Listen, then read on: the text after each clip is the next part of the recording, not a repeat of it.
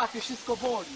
Drodzy słuchacze, witamy Was bardzo serdecznie. To jest Guilty Leisure numer 2 i numer 2 razy 2, czyli numer 24. Z tej strony Maciej Grzękowicz, a po drugiej stronie Wisu jest. Rafał Tomczak. To się nie zmienia, nie zmienia się z Wami też. Nie zmienia się z Wami. Z Wami też się chyba, hopefully, nic nie zmienia. W każdym razie e, u nas się trochę zmienia, ponieważ e, w tym tygodniu będziemy omawiać nowe teksty kultury. Nie wiem, czy znacie taki film jak Kod Bob i ja. I musimy tutaj na początku zaznaczyć, że w tym odcinku może paść dużo problematycznych pod kątem koniugacji i deklinacji stwierdzeń, ponieważ jak to wszystko mówić? Kod Bob i ja i potem Kota Boba i mnie, Kota Boba i, i ten, nie? W sensie będziemy mówić film Kod Bob i ja może. No, oglądałeś Kota Boba i mnie? Oglądałem Kota Boba i ciebie, pewnie, że tak.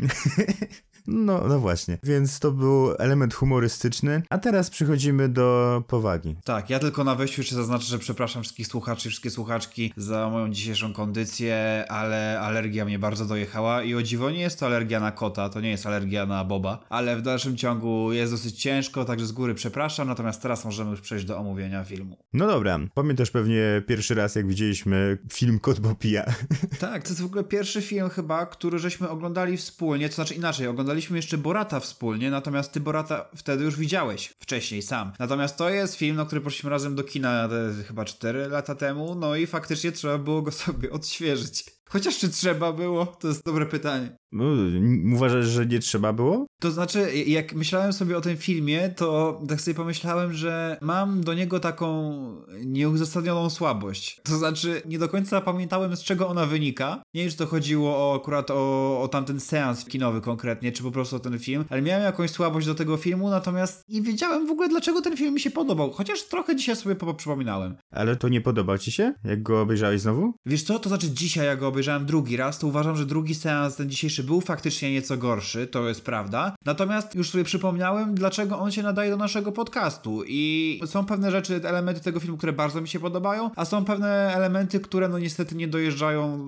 zupełnie. No to ciekawe bardzo, bo ja z drugiej strony oglądając pierwszy raz ten film, no po prostu nic specjalnie patrzyłem na jego stronę jakąś tam estetyczną czy narracyjną, bo ja mam słabość do filmów ze zwierzętami ogólnie i bardzo często się na nich wzruszam. Jest to naprawdę niezwykłe zdarzenie, że po prostu jak w filmie jest jakieś zwierzę, jest głównym bohaterem najlepiej, albo bohaterem drugoplanowym, ale jakimś takim ważnym, to po prostu e, ja, ja od razu się będę wzruszał. I ta historia Kota Boba i mnie właśnie wtedy już w kinie mnie bardzo wzruszyła i nie patrzyłem na ten film jakoś pod kątem tego, czy on jest dobry, czy nie, tylko widziałem potem, że doktor Michał Oleszczyk stawił ocenę na film Weba, że 7 i że to jest bardzo porządnie zrobiony film. Ja pomyślałem, o fajnie, bo ja lubię ten film, bo jest kot, tak? I na tym się skończyła moja refleksja. No, a teraz, jak go włączyłem, to ja stwierdziłem, że dr Oleszczyk rzeczywiście miał rację. To jest film, który jest dobrze zrobiony. W nim nie ma dla mnie, przynajmniej przez większą część czasu, nie ma takich elementów, które by były jakieś cringe'owe, czy coś w tym stylu. Mam wrażenie, że on jest całkiem poważnym filmem na poważny temat. Zgodzę się, że na pewno ten film jest... Mm, trzyma poziom. Trzyma poziom przez zdecydowanie swoją większą część. Natomiast mam wrażenie, że jeżeli chodzi o dramaturgię, to, to jednak troszeczkę są tutaj jakieś problemy. Ja w ogóle uważam, że najlepszym aspektem tego filmu jest w sumie kot. To znaczy, mam, mam takie poczucie, że ta relacja bohatera z tym kotem jest tak naturalnie odwzorowana i komentarze, jakie on wygłasza do tego kota, jak z nim gada, mam wrażenie, że to jest bardzo naturalne. My jednocześnie trochę temu bohaterowi współczujemy, dlatego że ma po prostu jakby ciężkie życie, w dużym skrócie myślowym, ale odczuwamy ogromną sympatię do obu i oni po prostu tworzą rewelacyjny duet. Ta chemia tam naprawdę jest i to jest ekstra. Natomiast jeżeli chodzi właśnie o dramaturgię i o te fabularne zakręty, no to tutaj już się bym przyczepił do kilku rzeczy. Bo co to jest właściwie za film? To jest film w reżyserii Rogera Spottiswooda z 2016 roku, my go chyba widzieliśmy w 2017 już, który opowiada prawdziwą historię Jamesa Bowena, czyli uzależnionego od narkotyków mężczyzny, który w pewnym momencie decyduje się na odwyk, w którym to odwyku pomaga mu właśnie rzeczony kod Znajda, który nagle do niego przychodzi. Tam się również przewija jego sąsiadka Betty, która e, no jakoś tam pomaga, oczywiście jest jakiś wątek miłosny, ponieważ to jest film, tak, więc musi być zawsze wątek miłosny. No i cóż, y, tak y, właśnie oglądamy te przygody Kota Boba i mnie po prostu śledzimy to duo, jak się nawiązuje między nimi taka rzeczywista przyjaźń. No właśnie, dla mnie ten aspekt dramaturgiczny nawet jakoś nie odstawał jak dla mnie od, od reszty filmu i dla mnie wprost przeciwnie, może tym najgorszym elementem było wszystko to, co jest związane z tym kotem, ale niekoniecznie jeśli chodzi o samą postać kota, który swoją drogą spojrzałem na film Weba i nie ma go w obsadzie. nie ma go w rankingu ról. A co ciekawe, kota Boba grał prawdziwy Bob, gdyż jest to historia oparta na faktach. Tak? To prawdziwy Bob? Tak, dokładnie. To jest prawdziwy Bob. To znaczy, początkowo twórcy chcieli zaangażować jakiegoś innego kota, ale okazało się, że żaden z tych kotów nie był na tyle chętny do tego, żeby brać udział w tym przedsięwzięciu, że musieli po prostu zaangażować tego prawdziwego Boba. To jest ciekawe. Sam James Bowen też się pojawia na końcu filmu, no ale to już e, inna sprawa. Wiesz co? Zbiłeś mnie z tropu tym. To jest ten twist i tym razem naprawdę to jest szokujący twist. Ja powiem tak, sam kot Bob jest fajnym kotem. Zarówno jeśli chodzi o postać filmową, jak i jeśli chodzi o postać rzeczywistą, która jest tą samą postacią tak naprawdę, jak się okazuje. Ale to, co dla mnie tutaj było jakieś najbardziej zastanawiające, to są te zabiegi typu POV kota na przykład, które zaczyna być trochę zabawne, że kiedy pojawia się kot, od razu wchodzimy w jego skórę.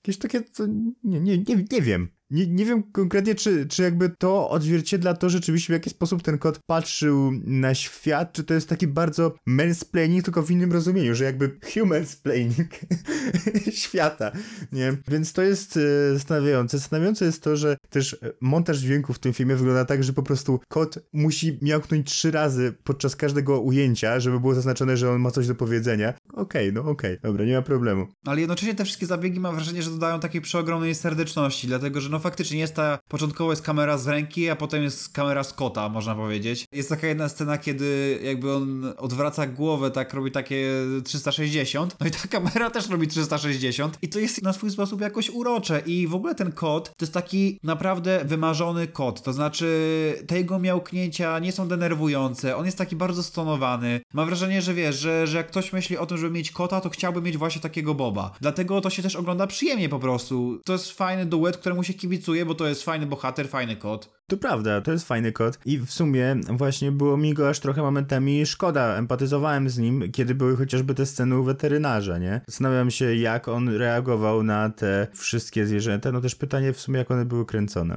To mnie akurat, jeżeli chodzi o scenę u, u weterynarza, to bardziej rozbawił subtelny humor twórców, gdzie bohater ogląda sobie zdjęcia e, kotów miesiąca na ścianie, a tam się pojawia pies.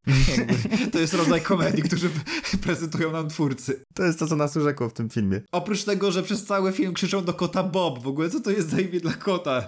Już jakby abstrahując od wszystkiego, bardzo mnie to bawiło, kiedy wszyscy bohaterowie po prostu, wiesz, Bob, Bob, Bob. A to wiesz, rudy kotek. Bob. Bob, no we, no. No, i ten kod jest tutaj, rzeczywiście pomijając jakby fakt tych y, różnych dziwnych zabiegów formalnych, to jest, y, jest tutaj jasnym rzeczywiście elementem, ale jak dla mnie gra aktorska bohaterów też była moim zdaniem całkiem realistyczna. To, do czego bym się przyczepił tutaj, to może to, że aktor grający Jamesa, no, no on jest niestety taki filmowy, tak wiadomo, że ucharakteryzowano go na człowieka uzależnionego od narkotyków, no ale widać, że to jest mega ładny, tak, człowiek, który generalnie, jak, jak przychodzi ten prawdziwy James na koniec, no to widać, że jest trochę inaczej. No, ale w ogóle to, to, o czym mówisz, bardzo fajnie oddaje już pierwsza scena chyba tego filmu, gdzie on właśnie jakby widzimy, że ma problem z uzależnieniem, a jednocześnie wykonuje piosenkę grając na gitarze ze słowami I'm beautiful. To też oddaje bardzo dobrze zarówno jakby naszą postać właśnie tego naszego bohatera, jak i w ogóle film, że jakby widać, że on ma to serce takie pure, takie czyste, takie no piękne właśnie, a jednocześnie jest bohaterem, który ma jakieś tam problemy, jest dużo szram i musi się jakoś z nich wykaraskać. I ta charakteryzacja, o której powiedziałeś, też jest bardzo dobra zresztą. My bardzo szybko zostajemy wprowadzeni w ten film i momentalnie jakby wiemy, jakie są stawki, no i mówię, to ten bohater, on wygląda świetnie i moim zdaniem naprawdę rewelacyjnie gra, w szczególności właśnie w duecie z kotem. Tak, ja się zgadzam z tym. No, w ogóle miałem problem z tym filmem, jeśli chodzi o nasz podcast, no bo on mi się w ogóle podobał. Ja myślałem, że tutaj naprawdę będzie więcej elementów guilty, ale nie. Znaczy były takie momenty, które sprawiały, że pomyślałem, okej, okay, to jest pewnie ten powód, dla którego ludzie aż tak nie kochają tych wszystkich filmów ze zwierzętami. Na przykład to, że to był film bardzo nastawiony na wzruszenie. I to wzruszenie po wzruszeniu, po wzruszeniu, no ja tam oczywiście znowu się wzruszyłem. Po tych kilku latach ponownie e, wracamy do tematu. Można by było powiedzieć, że to jest jakieś tak trochę kiczowate, nie? No jest, zdecydowanie. To znaczy to, co jednocześnie ja zachwalałem i mówiłem, że to dodaje takiej serdeczności, ta rozmowa między bohaterami, no to jakby to jest bardzo kiczowate i na pewno nie dla każdego, ale jednocześnie przez to, że to jest ograne w taki sposób, że my jednocześnie im współczujemy. Oni są w ogóle do siebie jakby bardzo podobni. To jest w sumie nasz bohater i jego kocie alter ego w jakimś sensie. No i darzymy ich taką sympatią, że mimo tego, że coś, jak ktoś mówią kiczowatego, no to my się do tego uśmiechamy, a nie,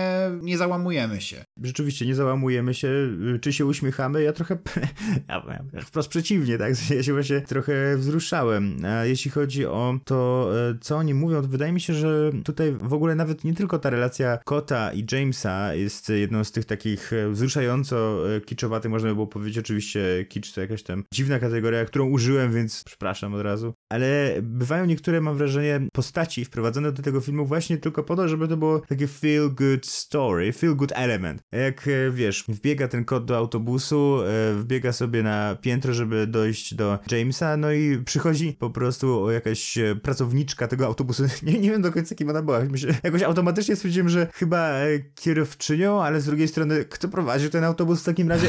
to nieistotne, nieistotne. Ważne były wtedy szelki dla kota. Właśnie o to chodzi, że ona jakby znalazła tę sznurówkę, która dała kotu, żeby mógł być na smyczy, no i w ogóle i nic nie, nie chciała za to i w ogóle to był taki kilka minut, kiedy wszyscy po prostu się cieszyli tym, że ten kot był. Ja sobie wtedy myślałem, że to wtedy ten film traci wiarygodność trochę. Kurczę, ale wiesz co, jednocześnie właśnie ja mam trochę inne odczucia, dlatego że ten film się składa z dwóch części i w pierwszej części mamy po prostu taką słodką historię, kiedy on się poznaje z tym kotem i są ich jakieś tam relacje. Natomiast w drugiej części zostaje wprowadzonych sporo postaci, jest wątek rodziny, jest wątek tracenia pracy, jest wątek tego, że jego kumpel przedawkował i mam wrażenie, że film właśnie wtedy przestaje sobie radzić, że dopóki to jest taka naprawdę kameralna historia, po prostu o relacji człowieka z kotem, to jest w porządku. Natomiast później tego jest tyle i no, no takie wątpliwe moim zdaniem te rzeczy się dzieją. I mam wrażenie, że właśnie wtedy ten film traci swój urok, w szczególności, że zakończenie jest po prostu tak przesłodzone na każdym absolutnie polu. A mam wrażenie, że ta pierwsza część filmu oczywiście też była słodka, ale to była taka naturalna słodycz, takie wyłuskiwanie takich fajnych, uroczych momentów z dnia codziennego, a później to musi być wielki finał, który po prostu jest do wyżygania. To jest niezwykłe, że mamy podobną opinię chyba ogólnie o tym filmie, a jednocześnie nam się podobały zupełnie inne części elementy tego filmu, bo właśnie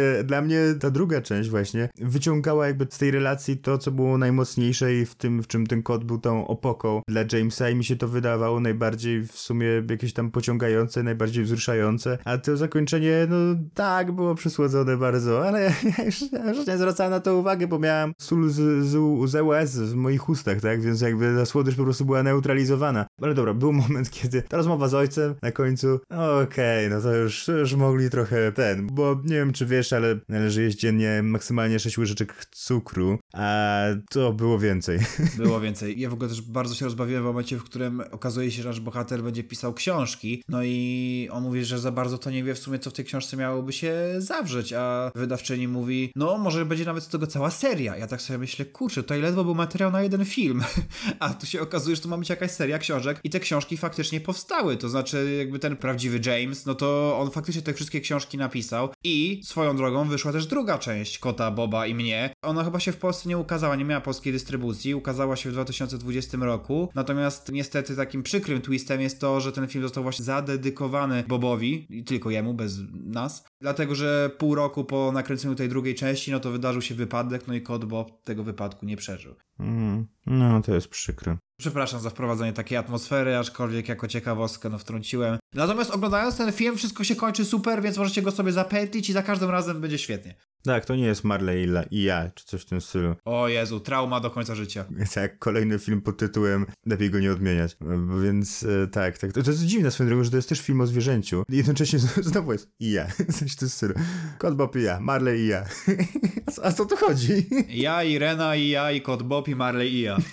A jeszcze tylko wtrącę jedną rzecz, że bardzo fajne są utwory, które się pojawiają w tym filmie i wydaje mi się, że nawet jakby miał Spotify'a te kilka lat temu, te 3 czy 4 lata temu, to utwór Satellite Moments to mógłby być w moim takim podsumowaniu rocznym, czego najczęściej słuchałem, bo właśnie wtedy po obejrzeniu tego filmu to miałem to non-stop zapętlone u siebie i uwielbiam ten utwór. Mhm. No właśnie tak myślałem, pamiętam, że coś mówiłeś na ten temat, że muzyka z tego filmu została u ciebie. Tak, zdecydowanie. Także słuchajcie, no oglądajcie. Myślę, że ten film nie zaskoczy was nie wiadomo czym, ale w dalszym ciągu jest to jakaś taka serdeczna siła w nim drzemie. To jest film, który ma ocenę o 30 wyższą na Filmwebie niż ci państwa na Lubimy Czytać, co znaczy, że jest wybitny. Jezu, ten już tydzień temu wtrącił audycję, to teraz trzeba było książkę. Wiadomo, a za tydzień wtrącę podcast. Dobra, to, a potem podcast wtrącaj we wszystkich pozostałych miejscach. W książce, teraz. Dobra. To co, to możemy chyba przejść do drugiego segmentu. Ja go rozpocznę i tak sobie myślę, że to był utwór, który prędzej czy później też się musiał pojawić w naszym podcaście, z tego względu, że wydaje mi się, że ty też całkiem lubisz ten utwór, albo przynajmniej ciężko jest go traktować w ogóle na poważnie. Natomiast jest to utwór Tunak Tunak Tun i wykonuje go Dale Mandy. I słuchajcie, no to jest ten utwór, w którym Mandy jest y, skopiowany wiele razy i po prostu sobie tańczy. I ja od razu powiem tak, Pierwsza moja styczność z tym utworem to była wtedy, kiedy oglądałem przeróbkę Łaga Chigi Chigi Chigita i właśnie tam tańczyły te wszystkie ludki Dailera. Natomiast później odkryłem oryginał, potem się oczywiście pojawiła się masa przeróżnych memów, natomiast teraz ja mam wrażenie, że docieram do jakichś nowych warstw w ogóle tego utworu, dlatego że zanim spytam cię jak twoje wrażenia, to od razu powiem jaka była geneza powstania tego utworu. Mianowicie Dailer Mandy to jest człowiek, który w Indiach był bardzo popularny, natomiast wiele osób zarzucało mu, że swoją popularność zawdzięcza tylko i wyłącznie temu, że w jego teledyskach tańczą piękne kobiety, no i to się przyjemnie ogląda. No więc on stwierdził, że tak, naprawdę, dlatego właśnie oglądacie i słuchacie mojej muzyki, to ja zrobię teledysk, w którym po prostu dam samego siebie razy kilka, będę sobie tańczył i zobaczycie, że będziecie oglądać i słuchać. No i kurczę, miał rację. Okazało się, że w Indiach wcześniej w ogóle nie był wykorzystywany green screen w teledyskach muzycznych, więc to była ogromna, ale to ogromna inwestycja. Wydano na to masę pieniędzy, tylko po to, żeby pokazać krytykom, że nie, to nie chodzi o te tańczące, roznegliżowane kobiety, to chodzi po prostu o jego samego. No i pokazał światu i to się stało globalnym fenomenem. Wiesz co, ja nawet to, że on tam się zmultiplikował, to stwierdziłem, okej, zdarza się. Ale to, co było za nim, jakbyś przykuło moją uwagę. Ty zauważyłeś tę główną budowlę, która zazwyczaj jest jakby jak on tańczy? Tak, to wygląda jak z jakiejś gry komputerowej. Ale jakby zauważyłeś, co to jest? E, nie, nie, nie zwróciłem uwagi. To jest cerkiew, która została jakoś tam skonstruowana z jakichś kamieni, obok niej są kolumny i mam wrażenie, że minarety jeszcze. I jakby to jest multikulti, takie, że wow. A mi to jednocześnie jak Petra wyglądało trochę, ale to też jakieś takie luźne skojarzenie bardzo. No trochę właśnie, właśnie o to chodzi, że tutaj to tło, ono za, zawarło w sobie jakby wszystko. Jednocześnie Bliski Wschód, jednocześnie Rosję, jednocześnie tam jakiś antyk. W ogóle to jest ciekawe, bo to jest jednocześnie jakiś fantazmat na temat tego wszystkiego, co jest na zachód od Indii, ale jakby na zachód od Indii po prostu to się nie kończy nic. Od tego krajów muzułmańskich, po te wszystkie prawosławne, katolickie, to wszystko jest w tym jednym tle. Tak, dokładnie, a do tego jeszcze dochodzi fakt, że każdy on, każdy Dailer odpowiada innemu żywiołowi. Więc w ogóle tam się łączy wszystko, bo to się okazuje, że mamy przegląd najróżniejszych kultur i religii. Dodatkowo mamy opcję wodną, opcję ognistą, opcję wietrzną i one wszystkie tworzą jakiegoś kapitana planetę, który po prostu jest zbudowany ze wszystkich kultur może też jednocześnie. To, to mogłoby być coś e, w stylu takiego ilustracji albo nie wiem, e, animacji dodawanej na DVD do tych wszystkich książek typu Wyznanie Prawdy, jakieś tam wiesz, przez jakieś sekty. Generalnie jakby, że to jest przekaz, który nam pozostawił ten wielki Bóg, który jakby szedł na ziemię. Wiesz, jakby w tym momencie powstawały wielkie religie, to by była odpowiedź na Koran, na Biblię, tak? To by właśnie tak wyglądało. W sensie ona by po prostu byłoby na YouTubie. No, a sam utwór jest przecież o miłości. Z tego się może niewiele osób spodziewa, ale faktycznie jest to utwór o miłości, chociaż ja za każdym razem mam problem do tego, że on tam teoretycznie śpiewa tunak, tunak, a ja tam zawsze słyszę tuluk, tuluk. Ja też. I w ogóle nie jestem w stanie zrozumieć, jak to tak? Przecież tuluk, tuluk, tuk, tuluk, tuluk, no i, no i co? Jakie tunak? Gdzie ten tunak? To, to brzmi bardziej jak tuluk niż, niż tunak. Tunak, tunak, tak, tunak, tunak, tak, tunak, tunak, tak, tak, tak, tak, nie? Jakby, jak leci jakoś to. No jakoś leci, no. Legendy głoszą, że nawet są jakieś filmiki z nami tańczącymi do tego utworu, ale to wiecie, dla patronów. Ha! To śmieszne, bo ich nie ma. Cały czas zachęcamy. Nie, dobra, to dla słuchaczy. No No właśnie. No i ostatnią ciekawostką, którą wrzucę tutaj do podcastu jest to, że sam Dailer Mandy po tym jak nagrał właśnie ten utwór, to oczywiście nadal tworzył muzykę, ale jakoś e, zainteresował się nim, a właściwie on się zainteresował przestępczym światem. Pojawiły się pewne zarzuty wobec niego, a potem zajął się polityką, co w sumie nie jest może jakoś tak specjalnie dalekie od świata przestępczego. Natomiast jakby już nie tworzy nowej muzyki z tego co wiem, jakieś może pojedyncze utwory, ale i tak żaden z tych utworów nie stał się aż takim fenomenem jak właśnie Tunak, Tunak, Tun. No i dobrze, bo to jest dobry utwór, nie ma co go jakoś tam detronizować. Więc dobrze, że nie jest znany z niczego innego. A ja chciałem cię zapytać, czy był ci znany wcześniej zespół Afro Collective lub po prostu legendarny Afrojax? Był mi znany, natomiast nigdy nie słuchałem. To znaczy, wiedziałem po prostu, że on jest, y, no właśnie, legendarny w pewnych kręgach, natomiast nie były to nigdy kręgi moje. I nie słuchałeś niczego afrokolektywu, albo nie pamiętasz przynajmniej? Prawdopodobnie słuchałem, nawet nie wiedząc, że to jest afrokolektyw. Natomiast tak, żebym miał y, teraz coś przytoczyć, no to przyznaję się, że nie. No dobra, generalnie to jest zespół fajny. Lubię go słuchać i lubię go po prostu też e, w sumie, jeśli chodzi o cały taki vibe wokół niego. Zespół Afro Collective gra już od dobrych 20 lat tak naprawdę, no już się rozwiązał, ale jego pierwsza płyta, płyta pilśniowa, no to jest jakiś taki klasyk, e, jeśli chodzi o undergroundowy rap. Ale w pewnym momencie Michał Hoffman, czyli wokalista tego zespołu, bo to jest zespół rapowy, to jest ciekawe właśnie, że tam rzeczywiście ludzie grali na instrumentach, tak? E, jakby do tego Michał Hoffman rapował, więc to był organiczny rap, bardzo fajny. Ale Michał Hoffman ma predylekcję takiego turpizmu, trochę można było powiedzieć. I założył sobie w 2015 roku taki jednoosobowy zespół, a właściwie przyjął pseudonim legendarny Afrojax i wydał płytę Przecież ostrzegałem. I ta płyta to jest jedna wielka patola. Co myślisz o piosence Pieść straszliwej tęsknoty? Wiesz co, myślę, że to słowo turpizm jest tutaj w ogóle kluczowe, dlatego że ja nawet sobie zanotowałem, że jest tutaj rozbrajająca wulgarność w tym wszystkim. To znaczy, że jest to jednocześnie wulgarne i brzydkie i ten jego wykon jest brzydki i nawet w komentarzach ludzie piszą, że o Jezu, ale chujowe gówno. Cytuję, cytuję, żeby nie było. No i faktycznie to jest jakieś takie brzydkie, ale jednocześnie jest ta energia w tym wszystkim i dodatkowo no sam refren tego utworu jest dodatkowo rozbrajający, no bo jak się zwracasz do fujareczki srebrnej i flecika złotego, no to wiesz, urzeka. W ogóle ten utwór jest jeszcze o tyle szczególny, że pomijając całą wulgarność, która jest no przesadzona do absurdu, to sam beat jest taki bardzo powiedzmy zabawny, taki kabaretowy, tak można było powiedzieć. Mam wrażenie, że jakby piosenka kabaretowa jeszcze istniała w takiej formie, że to byłby jakby kabaret nie taki na TVP, tylko taki jakiś, który bardziej zaangażowany, to właśnie taki mógł być podkład muzyczny do niego. Jest, jest taki, kurczę, nie wiem jakby to wziąłem, to wziąłem nawet jako jak dla piosenek dla dzieci. No tak, tylko potem wiesz, dochodzi warstwa tekstowa i się okazuje, że oj, zupełnie nie. No właśnie, no ale ta piosenka, ona chyba nie jest najgorsza, jeśli chodzi o tę płytę, ale wybrałem ją właśnie ze względu na to, że ona jest bardzo przystępna do słuchania. Przez tę warstwę muzyczną, e, sam tekst inaczej już trochę, no ale jest tam chociażby też piosenka Dzieci płakały, co sugeruje, że jest jeszcze mniej odpowiednia dla dzieci, to jest prawda. To jest jeden z tych artystów, którego nie powinniśmy przywoływać na fonii, ponieważ każde zdanie byłoby już do wyrzucenia praktycznie. Inaczej, nasz podcast nie jest jakiś pruderyjny, ale są jakieś granice. Ale w przypadku Afrojacksa to tych granic zdecydowanie nie ma, no. Jest znajomym mojego znajomego, który zapoczątkował tę akcję, żeby zgłaszać e, Smoleńsk, żeby, żeby Smoleńsk na IMDB był najniżej ocenianym filmem. No i jakby ja widziałem właśnie jak na Facebooku ten mój znajomy to jakoś promuje. No i w pewnym momencie tygodnik nie o tym napisał. No i widziałem, że właśnie Michał Hoffman, czyli znajomy mojego znajomego, napisał, a może byście powiedzieli o autorze, kto robił tę akcję. A ten mój e, znajomy, Jacek, napisał, że ale spokojnie, my się znamy z adminem, jest okazjonalny lodzik pod mostem. I ten Michał Hoffman odpisał, no jak jest okazjonalny e, lodzik pod mostem, no to spierdalam i dał okejkę. To jakoś tam definiuje. No, dobremu kumplowi to i no, wiadomo. Wiadomo. Natomiast wracając do samego utworu, to ja powiem ci, że podoba mi się to flow, to sam utwór jako całość, jako jakiś taki kompletny wykon, no to, to nie wiem, nie do końca. To znaczy, jest to dla mnie ciekawe właśnie jako coś, o czym możemy sobie tutaj pogadać, ale trudno byłoby mi, wiesz, przesłuchać całą płytę i się wkręcić w to, przyznaję. Ja słuchałem jej namiętnie, jak byłem w Dublinie. Serio, przez kilka miesięcy to był mój soundtrack do życia. Fujareczki srebrne, fleciki złote. I wróciłem do Polski potem.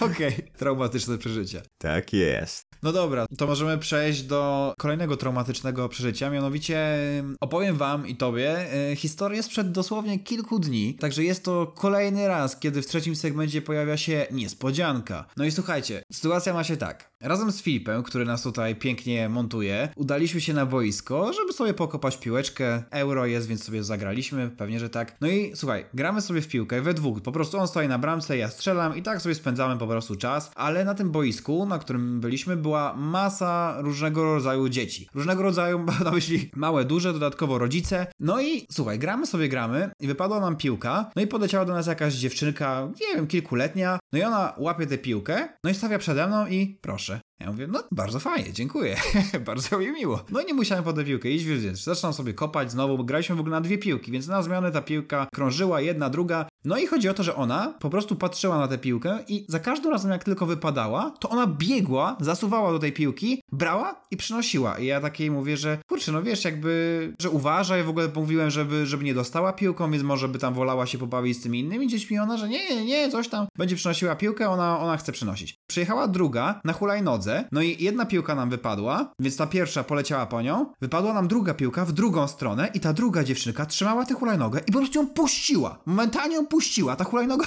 walnęła o ziemię i ona, wiesz, biegnie po tę drugą piłkę. I z dwóch stron przynoszą na te małe dziewczynki piłki. I ja tak, co tutaj się dzieje? I z jednej strony byłem już bardzo zmęczony, po prostu i nawet nie chciało mi się po te piłki chodzić, ale jak to wygląda? No ktoś popatrzy, wiesz, przechodzi obok, że dwóch typów, dwudziestoparolatków, kopią sobie piłki, a jakieś kurna małe dziewczynki przynoszą im piłkę. I jednocześnie chciałem im powiedzieć, że słuchajcie, no jakby idźcie sobie, jakoś tak miło, ale dla nich to była tak przeogromna frajda, żeby te piłki nam przynieść, że skończyło się tak, że przestaliśmy grać, więc można powiedzieć, że nas wygoniły z tego boiska. to znaczy, to była tak niezręczna sytuacja, sytuacja, tak niezręczna, że jednocześnie to było wygodne dla mnie, jednocześnie to była dla nich frajda, ale wiedząc jak to może być postrzegane, wiesz, przez osoby trzecie, że co tutaj się w ogóle wyczynia, to w końcu przestaliśmy grać i wróciliśmy do domu.